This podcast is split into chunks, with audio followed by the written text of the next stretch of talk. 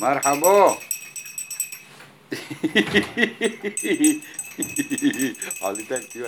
Thomas is in Iraks Koerdistan. Thank you, General. Op bezoek bij een generaal, vlakbij de voormalige grens van het kalifaat. This way goes to Bartalla. This way goes to Bashik. In juli dit? 2016 lagen hier de Koerden en IS elkaar te beschieten. En dit is ook de plek waar Laura op de 12e van die maand opdook. And they said, well, we're going to Bartella. They said. And, but instead of Bartella, they kept on driving. Is that possible? Wat was er gebeurd? Hoe was Laura teruggekomen? Een geslaagde ontsnapping uit het kalifaat. Met haar kinderen, maar zonder man. We zijn toen weggereden en ik kan me herinneren dat voor mijn gevoel ging het heel snel. Een Duitse deradicaliseringsexpert had een plan bedacht, waar ze via haar vader op was voorbereid. Maar hoe was dat plan in werkelijkheid verlopen? Alsjeblieft, God, laat me thuiskomen. Alsjeblieft, laat me thuiskomen. Was het dankzij deze operatie geweest dat ze nog leefde? Ik kan nog steeds niet begrijpen hoe ik daar doorheen heb kunnen komen met twee kinderen. Of was het eerder ondanks? Ik ben Mirke Kist. En ik ben Nele Eekhout. Dit is Laura H., de podcast. Aflevering 4. Het is zo, eh, zo extreem dat, dat, dat, het, dat ik het bijna zelf niet kan geloven. De gedachte is gewoon, gewoon, ja, het is gewoon abstract geworden, zeg maar. Wordt het moeilijker of ja, abstracter hoe langer je hier bent? Ja, ja, hoe langer ik hier ben, het, het, het voelt niet meer als een deel van mij. Het, het is te extreem geweest eh, daarvoor. Het, het, het voelt niet meer als echt, zeg maar.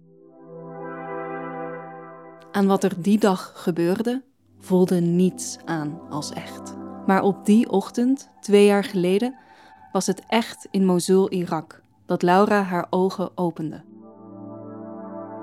Ik werd iets voor het gebed wakker, kan ik me herinneren. En ik keek naar Ibrahim en die had eh, helemaal niet geslapen. Terwijl het ochtendgebed hun slaapkamer vult, kijken Laura en Ibrahim elkaar aan. Het is 12 juli 2016. Het is zover. Dit is de dag. Ze staan op, wassen zich. Eh, toen zijn we gaan bidden. Dat is verplicht. Eh, en daarna zijn we eigenlijk onszelf gelijk gaan klaarmaken. Snel pakten ze alles wat ze nodig hadden.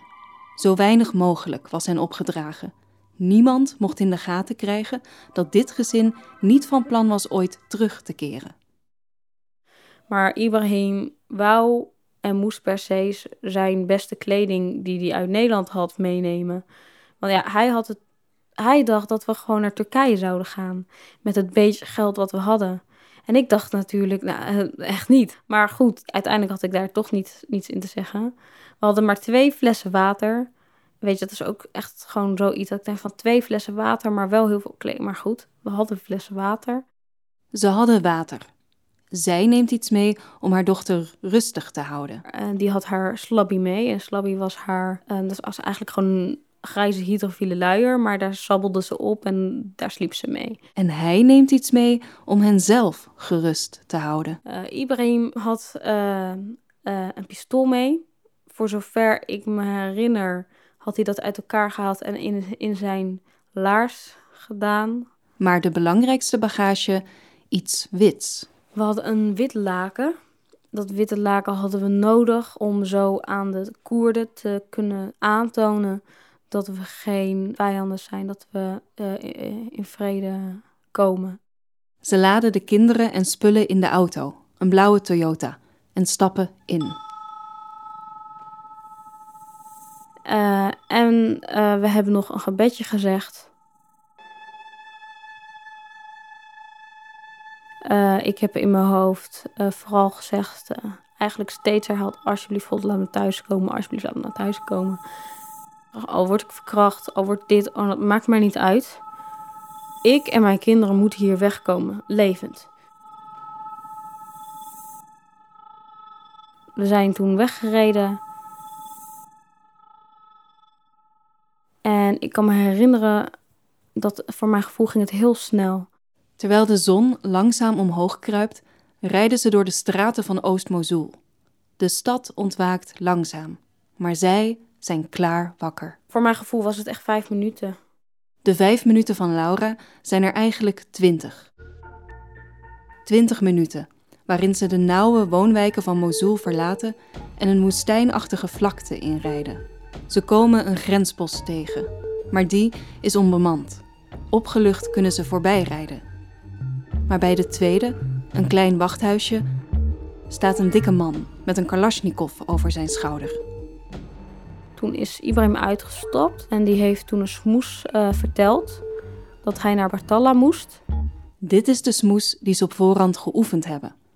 Ibrahim vertelt de man dat ze naar Bartella gaan, een dorp een stukje verderop, veilig binnen de grenzen van het kalifaat.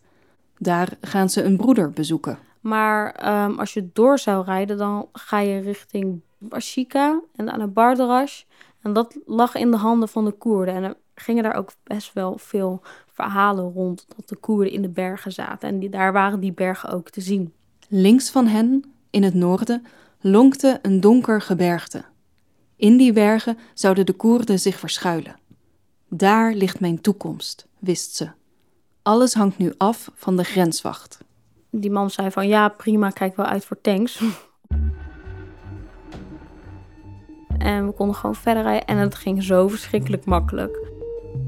Ibrahim staart naar de weg terwijl hij rijdt. Als je uitzoomt, dan zou je een heel klein blauw stipje zien. Dat voortglijdt over een lange geasfalteerde weg. Rond het stipje is er een rotsachtige leegte, een doorlandschap met hier en daar een eenzame woestijnplant. Als je goed kijkt, zie je dat het blauwe stipje steeds langzamer vooruit gaat. De weg wordt slechter. Er is grind op het asfalt gestrooid en aan de zijkanten staan torens van autobanden. In sommige zitten kogelgaten. En dan, dwars over de weg, staat er een hek. Vervolgens konden we niet verder, want er stond een hek en achter dat hek eh, zat een grensgracht. Uh, en die, die, die is echt een paar meter diep, zeg maar. Dus daar kan je gewoon echt niet met de auto doorheen. Toen zijn we naar links gereden. Het hek loopt aan beide kanten zo ver door als ze kunnen zien.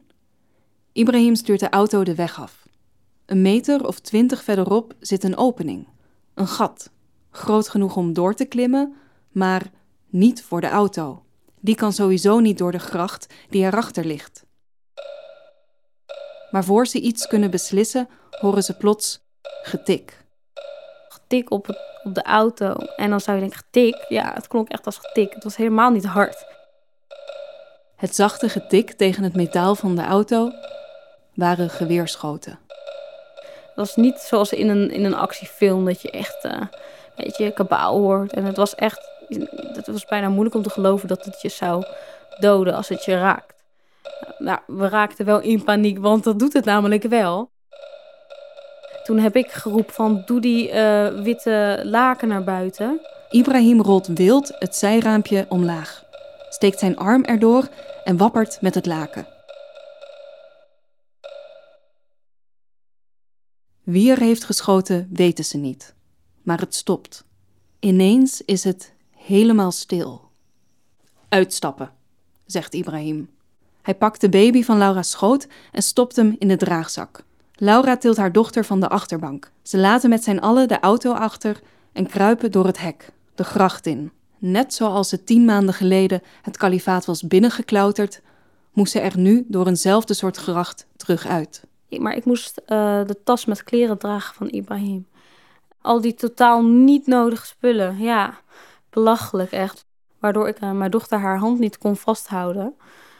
En ze durfde er niet in. En Ibrahim begon haar te schreeuwen van kom, kom, kom. Waardoor ze zeg maar een beetje bang werd. Want je moest niet doen wat hij niet wou, zeg maar. Je moest vooral doen wat hij wel wou. Dus zij is toen in één keer die gracht ingerend. En tegen een uh, steen aangerend. Met haar hoofdje. Bloed gutst uit het voorhoofd van haar jonge dochtertje. Ibrahim pakt snel Slabby, de hydrofiele luier, die dienst deed als knuffel en sabbeldoekje. Hij bindt het om haar hoofd, terwijl ze zachtjes huilt. Ze moeten verder, terug de weg op. En toen keek Ibrahim op zijn telefoon en toen zei hij dat het nog 60 kilometer zou zijn voordat we er zouden zijn. 60 kilometer. Zo ver ligt Bardarash nog. In de richting van deze stad zouden ze moeten rijden om het team van Keuler tegen te komen. Ondertussen klimt de zon verder en verder omhoog. Het is zeker al 40 graden. Het enige wat ik me bedacht is even kijken, 60 kilometer. Hoe lang is de avondvierdaagse? Dat is 5 kilometer, daar deed ik een uur over, dus dit moet kunnen.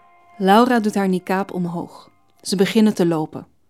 En net nu ze denkt dat het grootste gevaar achter haar ligt, gebeurt het opnieuw. Ik, ik hoorde gewoon fluitende kogels langs mijn oor vliegen. Zo dichtbij dat ik de wind ervan uh, voelde een paar keer. Toen zijn we heel hard gaan rennen. En de eerste, eerste plek, zeg maar, waar een soort van. Er stonden wielen op de weg. Daar zijn we achter gaan schuilen. En Achter de stapel autobanden schuilen ze in blinde paniek voor een volgende ronde kogels. Nou, we wisten wel zeker dat het uh, ISIS was, tenminste ik wel.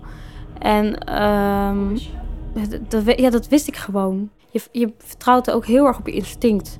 Want je hebt ook eigenlijk niet heel veel meer dan dat. Laura's instinct blijkt te kloppen.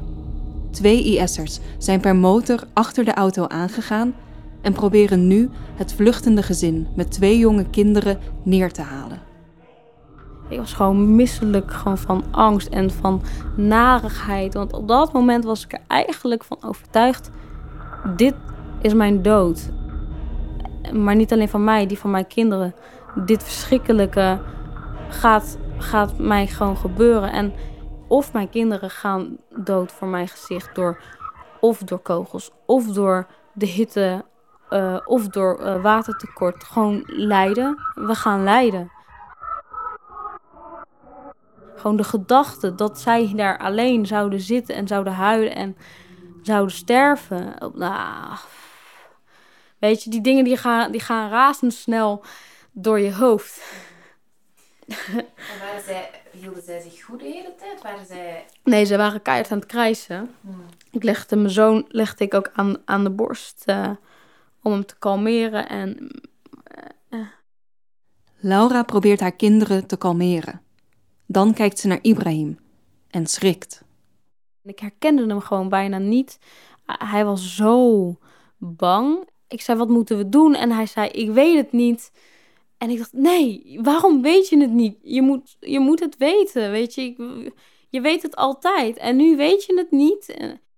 En toen zei ik: Misschien is het beter dat je ons neerschiet. Want hij had die pistool bij zich. Weet je, als hij ons doodschiet, hoeven wij niet te lijden. Maar het was ook zo tegenstrijdig om te vragen om mijn eigen dood en die van mijn kinderen. Dat ik ook eigenlijk schrok van mijn eigen woorden. En hij schrok er ook van. Hij zei van nee, doe normaal joh. Wanneer het schieten is gestopt, horen ze mannenstemmen. Ze komen dichterbij. En ik zei tegen iemand van, ga met ze praten, ga met ze praten. Uh, zeg dat je bij hun hoort dat we de weg kwijt zijn, weet je wel. En hij zei, ja, ja, ja, ja, weet je wel. Zo kwam er een beetje hoop. Een van de mannen loopt naar hen toe. Zijn kalasjnikov op hen gericht. Toen is Ibrahim voor ons gaan staan, zwaaiend, zeg maar, van niet schieten. En ik ben van ISIS. En die is toen langzaam naar hem toe gegaan om met hem te praten. Maar op datzelfde moment uh, uh, hoorde ik een blazend geluid die ik herkende. En het geluid van een bom dat valt. Dus op dat moment, dat is ook wel een heel heftig uh, moment, zeg maar. Toen dacht ik eigenlijk dat, dat we zouden sterven. ik word er altijd heel emo emotioneel van, zeg maar, als ik eraan denk. Maar op dat moment had ik er ook vrede mee. Het is ook een herinnering. Ik had de hele tijd had ik, was ik dit vergeten. Dat ik me zo had gevoeld. Dat ik dat had gedacht, zeg maar. Um, maar hij, hij kwam neer. En de knal was veel minder hard dan bij een, een vliegtuigbom. En ik zat daar gewoon nog. Er kwam alleen wat stof omhoog. En zwart, kan ik me nog herinneren. Ik weet niet waarom, maar het was zwart. Plots is de zon verdwenen. Laura staat in een draaikolk van zand, stof. Ik zie niemand meer staan. Dus op het ene moment staan ze daar en op het andere moment staan ze er niet meer. En ik geloof dat ik iets later hoorde iemand schreeuwen en dacht ik, oh, dat is die IS'er. Maar als ze beter luistert, hoort ze dat het Ibrahim is. Maar Ibrahim schreeuwde nooit, dus het was heel raar hem horen schreeuwen. Hij kon namelijk niet echt schreeuwen. Hij kon dat niet echt produceren of zo. Hij had nooit, ook, ook als hij boos was, als hij mij sloeg, wat dan ook, hij had nooit tegen mij geschreeuwd. Uh, maar toen ik, uh, ik ben gaan kijken, ik ben opgestaan, ik ben gaan kijken. Verdoofd door de knal laat Laura haar kinderen achter in de bosjes. Ze loopt naar de weg. De IS'er ligt op de grond, dood. Dat weet ze meteen. Waar is Ibrahim? Uh, hij lag helemaal aan de andere kant. En ook een stuk verder leek alsof hij gewoon weggevlogen was, zeg maar, door de knal. Ibrahim kan niet opstaan en schreeuwt dat hij zijn bot kan zien. Uh, het, uh, hij bloedde, uh, hij was schreeuwen en was, in paniek. Zijn been was zeg maar verbrijzeld. Laura kijkt naar de gewonde man die voor haar ligt. Achter zich haar kinderen, schreeuwend in de struiken. En toen zei Ibrahim tegen me: Ga weg, ga van de weg, ga van de weg. Weer slaat er een bom in. Weer komt de aarde omhoog. Maar verderop deze keer, een meter of dertig bij haar vandaan. Ze ziet nu ook de andere IS'er, die wegvlucht. En toen ging er echt, het is gewoon echt gewoon ting, alsof zo'n lichtje aanging. En in één keer dacht ik, hé, hey, wacht eens even. Zij vluchten, zij zijn beschoten, maar niet Ibrahim, niet ik, die IS'er is beschoten. Ineens begrijpt Laura, ze richten niet op mij. En die IS'er loopt weg. Zij kunnen mij nu niet beschieten. Uh, en toen dacht ik, uh, wist ik wat ik moest doen. Het lichtje dat aanschoot in Laura's hoofd is verblindend helder. Het kon niet. Hij kon niet meer, hij kon niet lopen, dus hij zou ons alleen maar verzwakken. En ik wilde zo snel mogelijk weg. Ze moet door, alleen. Toen heb ik me bedacht, van, ik, ik kan me zo niet dragen, want ik moet ook water meenemen. Laura loopt terug naar de prikkelbosjes waar haar kinderen liggen te krijsen. Ze pakt de draagzak, doet hem om en steekt haar zoontje erin. Uh, water, uh, uh, kinderen was het. Water, kinderen en iets wits. Ze zoekt het laken. Maar dan ziet ze dat Ibrahim het in zijn handen heeft. De, het laken had hij om zijn been heen gebonden. Dus ik, heb zelfs nog gezegd van, doe dat niet, ik heb dat laken nodig. En hij zei, ja, maar als ik dat niet doe, bloed ik dood. Hij zei aan de ene kant, laat me niet achter. Hij was bang en logisch, hij was gewond. ja. Maar aan de andere kant zei hij, uh, gaf hij mij instructies, vergeet de telefoon niet. Pak het geld uit mijn laars. Ibrahim kijkt toe hoe ze alles inpakt. Hoe ze zich voorbereidt om hem achter te laten. Hij weet dat dit het einde is. En hij wil nog één ding zeggen. Uh, dat, dat het hem spijt en of ik hem wou vergeven. En toen heb ik me ook gezegd, ja, ik vergeef het je. Uh, ik ging ervan uit dat hij stierf. Uh, ik zag ook een man, weet je, ik haatte hem vanuit het diepste van mijn hart, maar ik hield ook nog steeds heel veel van hem. Dus ik wilde ook dat hij met de gedachte zou sterven dat ik het hem uh, had vergeven. En dat is volgens mij ook het laatste wat ik ongeveer heb gezegd. En toen, uh, toen ben ik vertrokken. Toen was het moment gekomen om om te draaien. Ja. En weglopen. En zelfs, ik was heel erg aan het haasten. En zelfs het schoentje van mijn dochter had ze niet aan. Laura heeft geen idee waar ze is of hoe ver ze nog moet. Het enige wat ze weet is dat ze richting de bergen moet gaan, richting de Koerden. De weg ken ik niet, maar toen dacht ik, maar ik weet dat ik alleen maar die weg moet volgen en dan kom ik er vanzelf wel. Ze zijn nog maar net onderweg, als ze het weer hoort. Het geluid van kleine stukjes lood die langs haar vliegen. Ze worden weer beschoten. Dus we zijn keihard gaan rennen. Uh, mijn dochter met één schoentje en mijn zoon in de draagzak. Uh, in één hand een fles water en in de andere hand uh, een, een witte luier en een wit tasje die continu omhoog hield. Met haar vrije hand wappert Laura met de enige witte vlag die ze nog heeft. Kunnen de Koerden haar zien? En waar blijft het team van haar vader? Maar goed, ik liep en er kwam opeens nog een tankgracht. Laura laat zich met de spullen een nieuwe gracht inzakken en helpt haar dochtertje erin. Dan wacht ik daar in die gracht, wacht ik tot het schieten ophoudt, verzamel ik de moed en dan ga ik verder.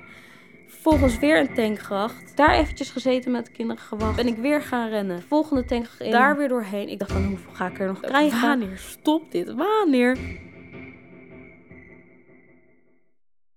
En toen bleef het een tijdje stil. Ze hoopt en bidt dat het stil blijft. Ik, ik, ik wist ook niet, moet ik nou rennen of moet ik nou blijven liggen? Moet ik nou rennen of moet ik nou blijven liggen? Ik wist het niet. Oh Allah, vergeef me. Oh Allah, vergeef me. Herhalen, herhalen, herhalen, herhalen. Ik wou weg. Ik wil naar huis. Alsjeblieft, breng me naar huis. Alsjeblieft, laat me dit overleven met mijn kinderen. Alsjeblieft, de hele tijd zo door.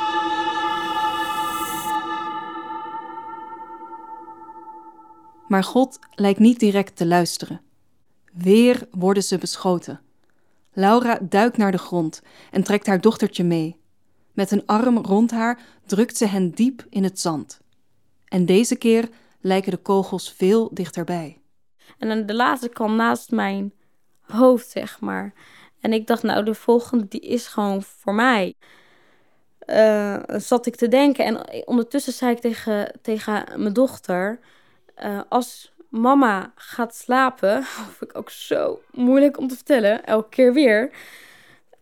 Um, ga dan die kant op en blijf lopen. En zij heeft, uh, zij heeft uh, toen. Uh, zij, zij zei nee, ze wilde niet. Ze begon te huilen. En ze wilde niet. Ja. En toen hoorde ik iemand roepen. Ze hoort een stem, ergens in de verte. Het is een stem die ze al eerder had gehoord. Voordat ik dus zo ging liggen, was er heel, van heel ver weg een man die riep en die riep Ta'al. En Ta'al is uh, uh, kom. Kom hier, had de stem geroepen. Laura had het genegeerd, bang dat het misschien opnieuw een IS'er was. Niet meer wetend wat ze nog moest denken of voelen. Maar na die laatste kogel, vlak bij haar hoofd, was het genoeg geweest. Ik, ik kan dit niet meer aan. Ik, ik, al, al is het ISIS, al is het, misschien is het de burger, het maakt mij niet uit. Ik moet in ieder geval weg. Uh, weg uit uh, deze situatie. Toen zijn we uh, dus eigenlijk schuin de, bosjes ingelopen, de prikkelbosjes. Waar mijn dochter heel veel moeite mee had, want zij had maar één schoen aan. Lopen, lopen, kom, we zijn er bijna, we zijn er bijna. Dat bleef maar zeggen. Ze was aan te huilen, ze had heel erg last van haar voetje. Ze kon gewoon niet meer. Maar ja, we waren er bijna, dus ze moest nog even. Dus ik bleef roepen, kom op, kom op. Hij zei ook de hele tijd, uh, jalla, jalla, schiet op, schiet op. Loopt ze naar haar einde toe of net naar een nieuw begin? Laura weet het niet. Hoe dichterbij ik kwam, hoe, hoe duidelijker ik hem zag.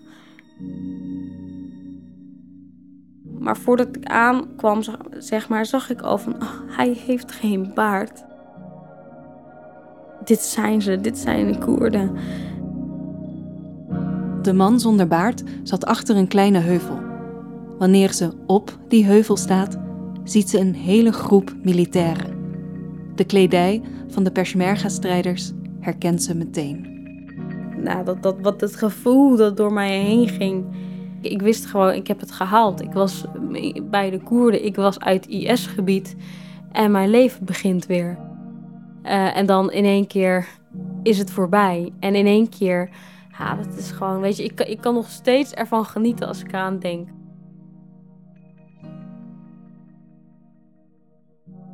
Laura had het onmogelijke gedaan.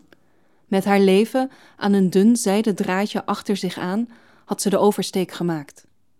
Wat er nu moest gebeuren, daar had ze nog niet eens over durven nadenken. Ze werd ontvangen door de Koerden met water en koekjes. Vol trots wordt ze die avond op het journaal getoond. Drie weken later wordt ze naar Nederland verscheept en op Schiphol onmiddellijk gearresteerd. Vervolgens wordt haar verhaal verder geschreven in de kranten. Hoezo was ze zonder kleerscheuren uit het kalifaat geraakt? Op haar eentje met twee kids. Was het niet veel logischer dat deze vrouw met een opdracht was gestuurd? Een opdracht voor een aanslag. Het verhaal wat ze daarover vertelde, ja, dat was natuurlijk zo spectaculair en het werd niet geloofd. En ik wilde niet alleen uh, van haar aannemen dat het zo gegaan was. Iedereen had het over een raar verhaal. Een verhaal waar puzzelstukjes in ontbreken. Ook in Laura's eigen versie. Want waar in haar hele tocht was dat team gebleven? Zelfs Daniel Keuler sprak tegen de feiten zoals zij ze had verteld. Hij heeft gezegd, in de dagen na Laura's ontsnapping, heeft hij uh, tegen Eugène telefonisch gezegd, de politie luisterde met alles mee, uh, dat Laura loog. Dat ze nooit beschoten was, dat ze het team nooit tegengekomen was, dat hij rekening hield met het scenario dat zij mogelijk nog uh, geïndoctrineerd was door IS. Hij zei te weten dat Ibrahim nog leefde en hij heeft heel veel gespeculeerd. En dat ja, heeft natuurlijk ook bijgedragen aan de verdenkingen tegen Laura. Wat haar nog verdachter maakte, is Laura's optreden op de Koerdische tv. Daar beweerde ze dat haar man haar had ontvoerd naar het kalifaat, terwijl ze bewust de oversteek naar Syrië had gemaakt. Als ze hierover loog, waarover dan nog meer? Hoe oprecht ze haar verhaal ook aan Thomas had verteld, hij zou iets hiervan met zijn eigen ogen moeten zien.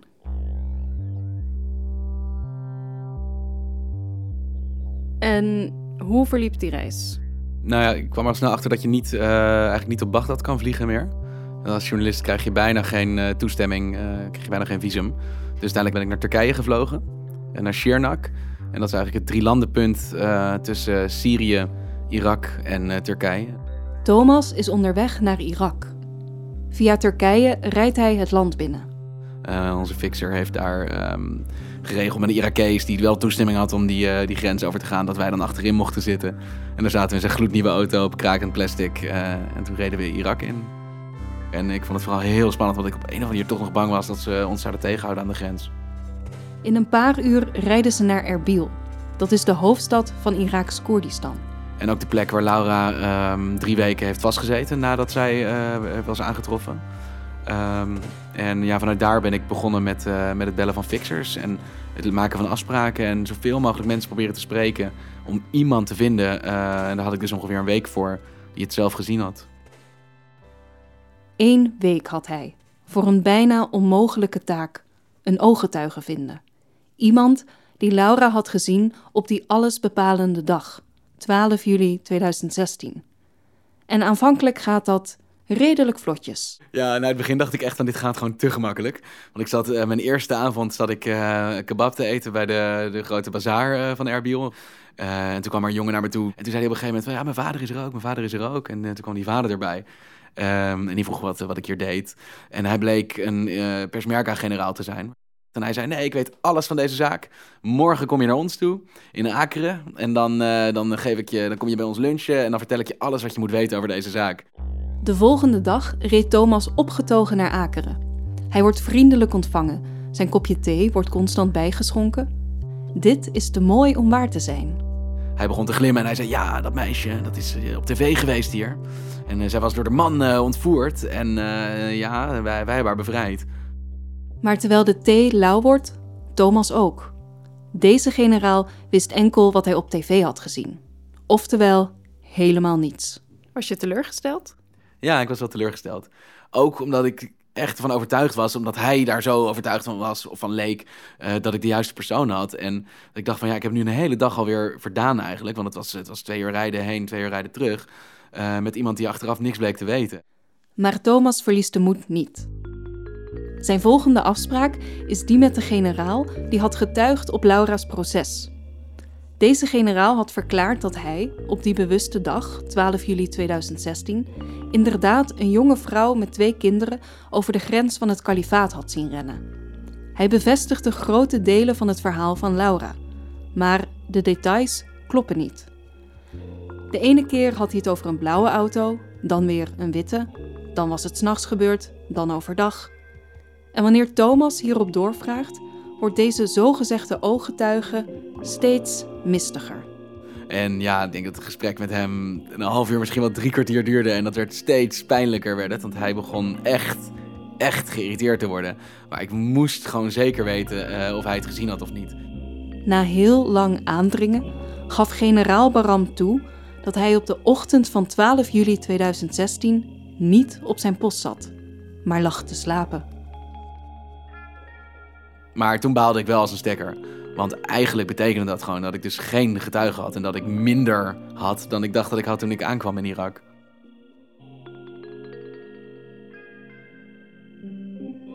De dagen tikken door. Thomas gaat van fixer naar fixer, van valse getuige naar valse getuige.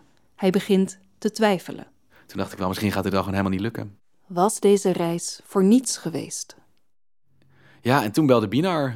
Binar was een jonge fixer die de hele oorlog had meegemaakt. Hij zat onder de littekens, zeg maar, zijn, handwonden, zijn handen waren helemaal bedekt met brandwonden en zijn oren waren klein. Want hij was bij een, uh, een aanslag van IS betrokken geweest. Dus hij heeft een jaar in het ziekenhuis gelegen en hij heeft nu een soort onoverwinnelijk gevoel dat hij, uh, dat hij alles kan en dat hij geen gevaar meer loopt omdat hij dit overleefd heeft.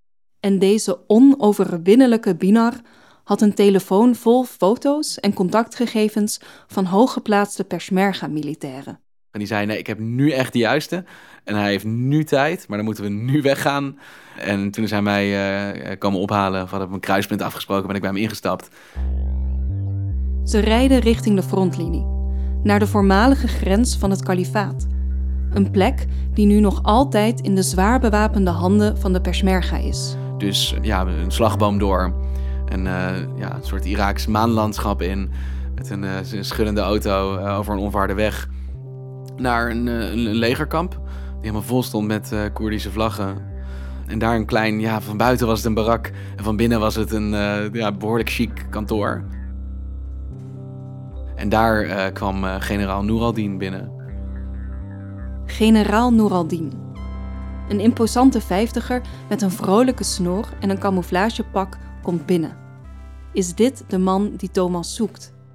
Ze gaan zitten.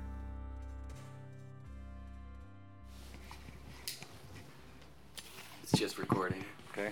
Uh, you can sit here. Okay, thank you. Uh, I'll sit here. That will more workable. De man die je Engels hoort praten is Binar. Hij zal de generaal vertalen. Thank you, uh, General. Um, you said you know Laura. What do you remember about that? With Laura.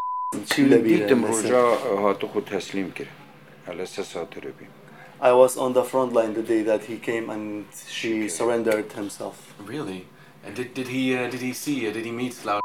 To Laura Nedikot. بله عملي Yes, I saw her. Eindelijk heeft Thomas beet. Deze generaal is de juiste. He, she was with two children, Yes, she was. كتشاك بي كرة a boy and a girl. Yes. كرة كي بريندار جيبي Deze man is de eerste persoon die hij spreekt, na Laura zelf, die er ook bij was op die 12 juli. And where was the general? Was he on the mountain or was he? Uh, uh, No, I the- was in the bar. He was in the bar. He was in the front. Oh, really? You were in in the, Yeah. the trench. In de ongelofelijke filmscène die Laura beschrijft, lag deze generaal in een van de omringende loopgraven. Maar zou hij Laura's verhaal ook bevestigen? Alles hangt af van wat deze man zich kan herinneren. It was six in the morning. Yes. We were on the front lines when we saw a car which is coming toward the front line. Okay. In their front line, in ISIS. From ISIS From territory. ISIS. About four kilometers between us. Okay. So they came Ja, het was ongeveer we zes saw uur 's him. ochtends, dus het was eh, nog niet zo heel lang licht. Toen eh, dus generaal Nooraldin erop werd geattendeerd dat er een auto bewoog in de frontlinie. En dat leidde tot nogal wat verwarring bij de Peshmerga, want dat is niet iets wat gebeurde tijdens die oorlog. Het is niet een plek waar je zomaar kan rijden. Dat je daar niet zomaar kon rijden, hadden Laura en Ibrahim vrijwel direct ondervonden. Net met die bedoeling zijn er een heleboel grachten uitgegraven. Wanneer Thomas de generaal aan de frontlinie ontmoet, woedt de strijd met de IS er niet meer. Maar in 2016 was die nog in volle gang.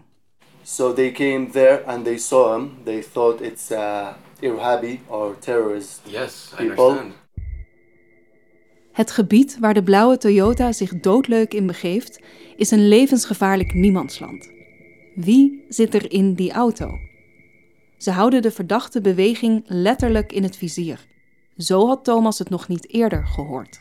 Dat die auto dus opdook en dat er gewoon een tank stond die die, die, die auto in het vizier had genomen en die ze dus bijna van de weg had geblazen voordat ze überhaupt uitgestapt waren. Maar voordat generaal Noor al-Din het bevel tot vuren geeft, ziet hij door zijn verrekijker dat de auto stopt en er een gezin uitstapt. De Peshmerga begrijpen er niets van. It was even shocking for us. Maybe yes. they had an agreement or like something. We yes. even were shocked about this, how they could bring car until that destination. Yeah, it was strange. Nog vreemder wordt het wanneer ze een beetje later zien dat twee gewapende IS'ers per motor verschijnen. De generaal omschrijft hoe ze Ibrahim op de IS'ers zien aflopen. The guy went to the guys. Okay, yeah. The Bobby And then the tank hit it right here. Oh wow. Uiteindelijk hebben ze besloten op die IS'ers te schieten. Dus duidelijk niet op het gezin en ook niet op de man die daarbij hoorde, maar op die twee IS'ers. En dit is die eerste enorme knal. Die waarbij Laura voor de eerste keer dacht dat dit het einde was. So by a tank from the mountain they shot them.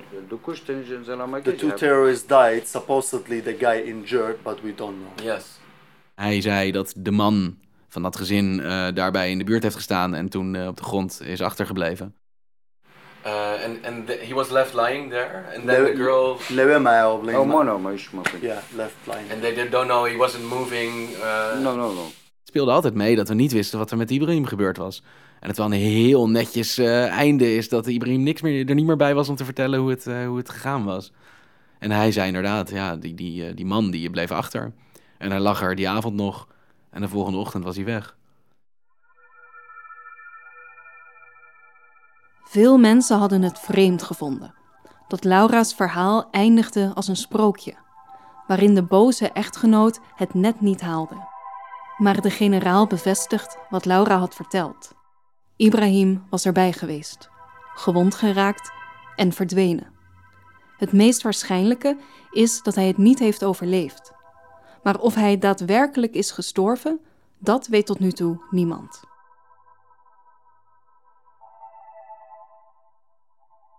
Het lichtje dat toen bij Laura ging branden, was dus ook juist geweest.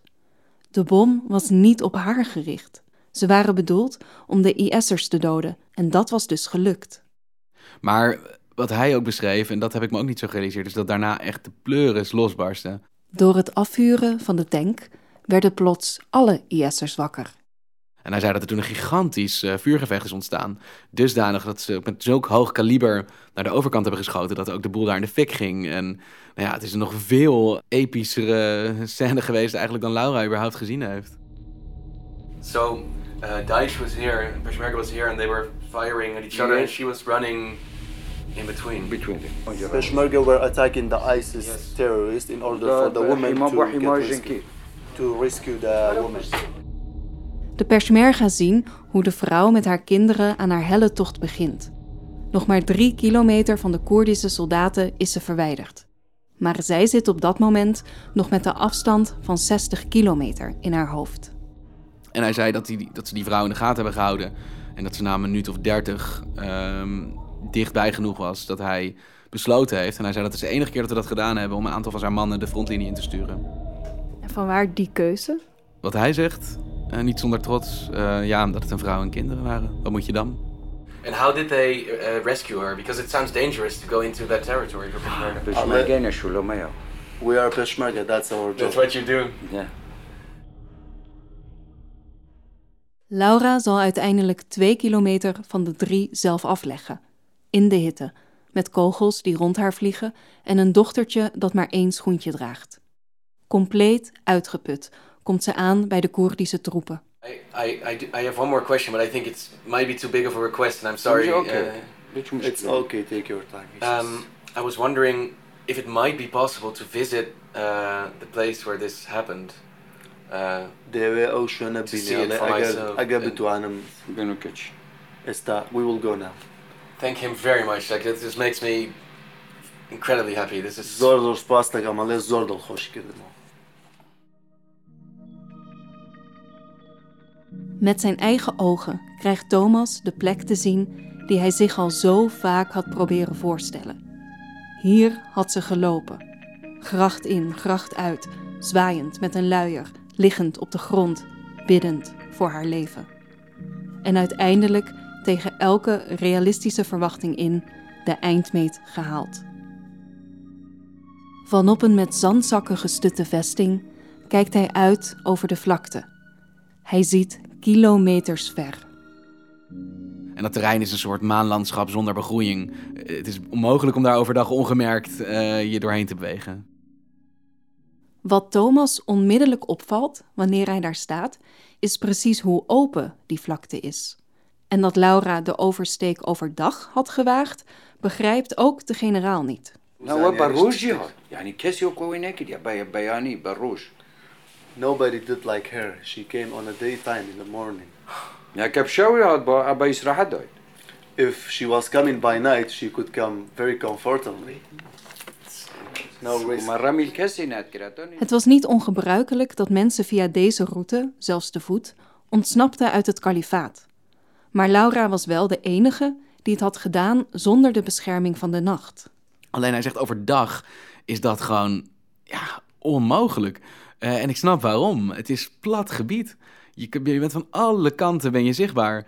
Uh, ja, dus hij zei, ja, als dit een doordacht plan is, dan kan ik me niet voorstellen dat, het, dat iemand haar geadviseerd heeft om overdag deze oversteek te wagen. Bovendien waren de Koerden meestal op voorhand gewaarschuwd wanneer er vluchtelingen uit het kalifaat aankwamen. Thomas moet dus de vraag stellen waar hij al maanden op loopt te kauwen. Waren zij op een of andere manier geïnformeerd geweest? Door een team van een Duitse expert, bijvoorbeeld? And was before um, the car arrived, was Peshmerga aware that there might be today there might be a woman coming? پێشمەرگە زانیاری هەبوو کە ئەمڕۆ ئەو ڕۆژێک کە هات لاوانەیە ژنێک ئەمڕۆ بێت بۆ ناخێر no. Thomas vertelt de generaal over Eugène en het plan van Daniel Keuler. Um, the father of uh, the, the woman, uh, he said that before she escaped, um, he paid 10,000 euros to some people who said to him, well, just let her drive to the front line and we'll rescue her. Mm. Has the general heard about this? De generaal schudt zijn hoofd. So it seems the father has been scammed and she was very lucky uh, Peshmerga saved her.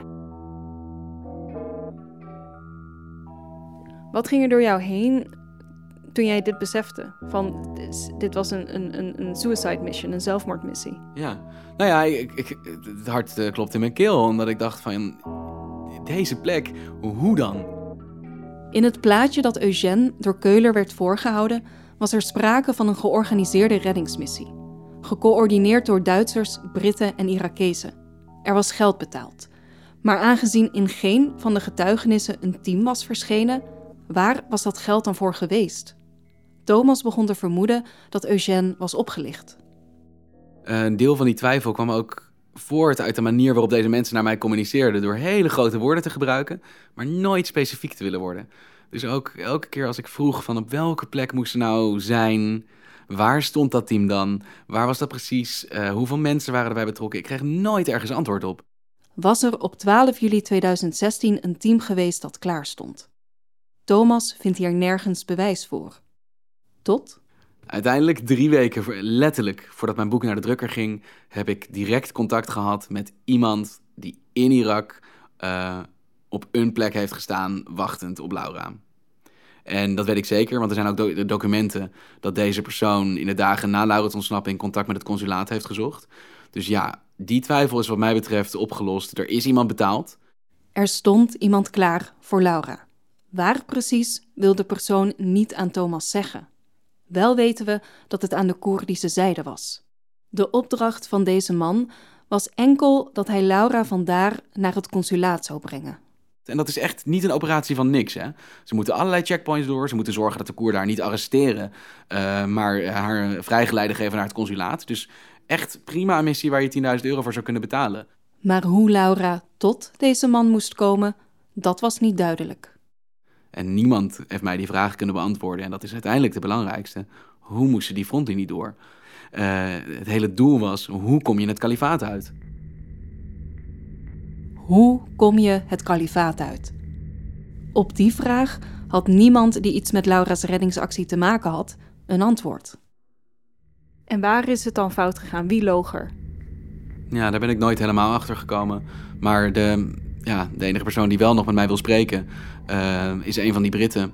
In Thomas zijn onderzoek naar wat Keuler nu juist heeft ondernomen, spreekt hij verschillende Britse contactpersonen van hem. Daarvan is er eentje die hem het volgende kan vertellen. En die zegt dat zijn instructies wel precies waren en dat dat uh, bij Daniel Keuler mis is gegaan. Alleen ja, Daniel Keuler wil op dit moment niks zeggen en ja, daar ben ik niet helemaal achter gekomen.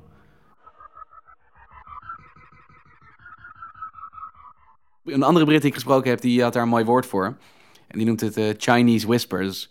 Chinese whispers.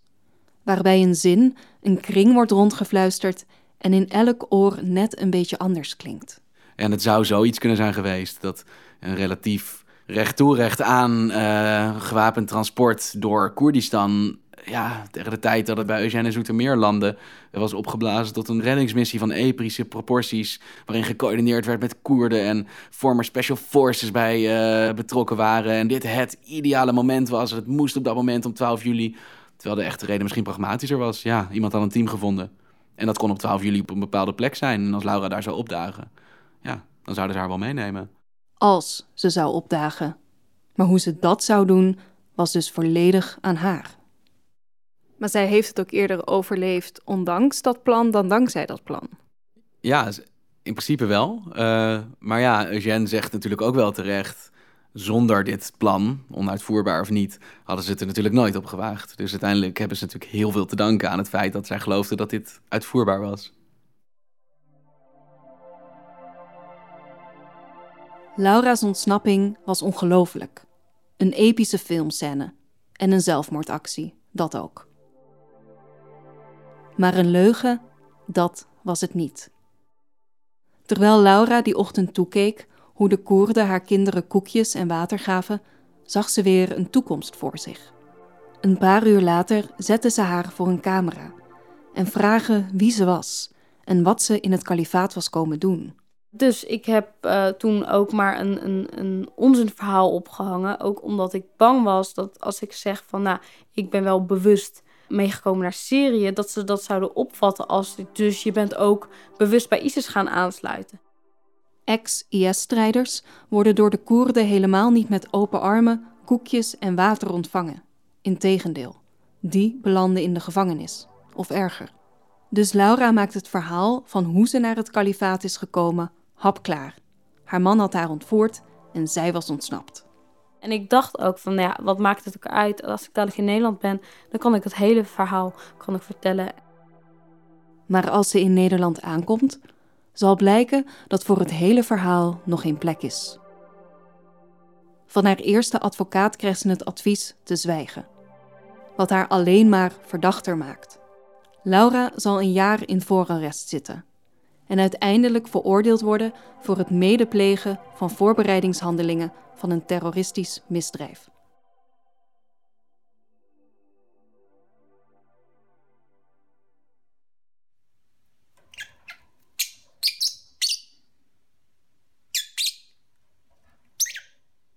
Laura is nu 23. Ze heeft twee dwergpapegaaien, waarvan ze hoopt dat ze snel eitjes zullen leggen. Ze is bezig haar HAVO-diploma te halen en ze kan eindelijk met een gerust hart toekijken hoe haar kinderen groeien, vallen, terug opkrabbelen. Dit is het leven waar ze zo naar verlangd heeft. Niet alleen tijdens haar maanden in het kalifaat, maar ook daarvoor al. Want Laura's ontsnapping op 12 juli was niet haar eerste poging om te ontkomen. Ook lang daarvoor, toen ze nog in Nederland was, had ze geprobeerd de koers van haar lot te wijzigen.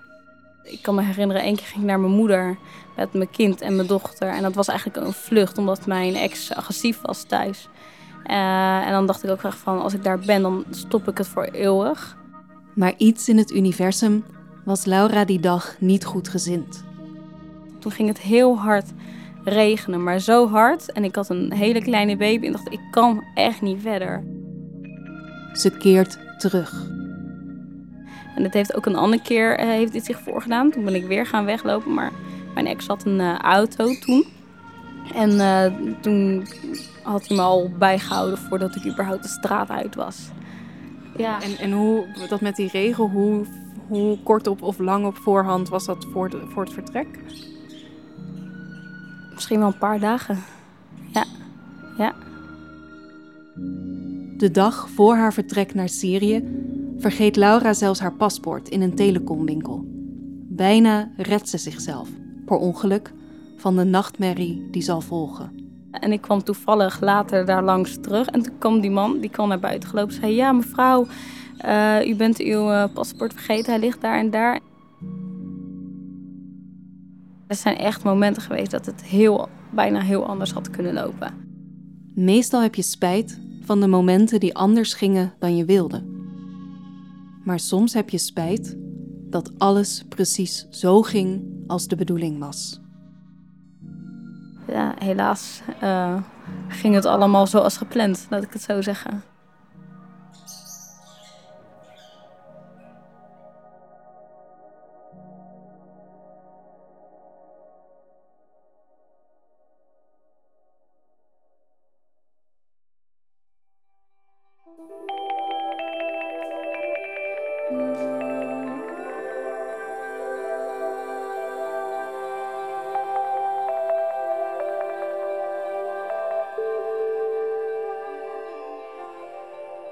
Dit was de laatste aflevering van Laura H., de podcast. Als je, net als wij, het verhaal nog niet kan loslaten, dan moet je zeker het boek van Thomas Rup kopen. Laura H., het kalifaatmeisje uit Zoetermeer. Alle vragen die je nog kan hebben over Laura, Eugène, Ibrahim en Daniel Keuler worden daarin beantwoord. En geloof me, je wilt de antwoorden weten. De podcast Laura H. is een co-productie van Audiocollectief Schik en uitgeverij Das Mag. Das Mag geeft ook het gelijknamige boek van Thomas Rup uit. Van Audiocollectief Schik waren wij Nele Eekhout en Mirke Kist. Eindredactie werd gedaan door Twan Donk. Alle muziek die je hoorde en mixage werd gedaan door Tijme Bergman. Alle informatie over het boek en de podcast vind je op www www.laurah.info. Dag!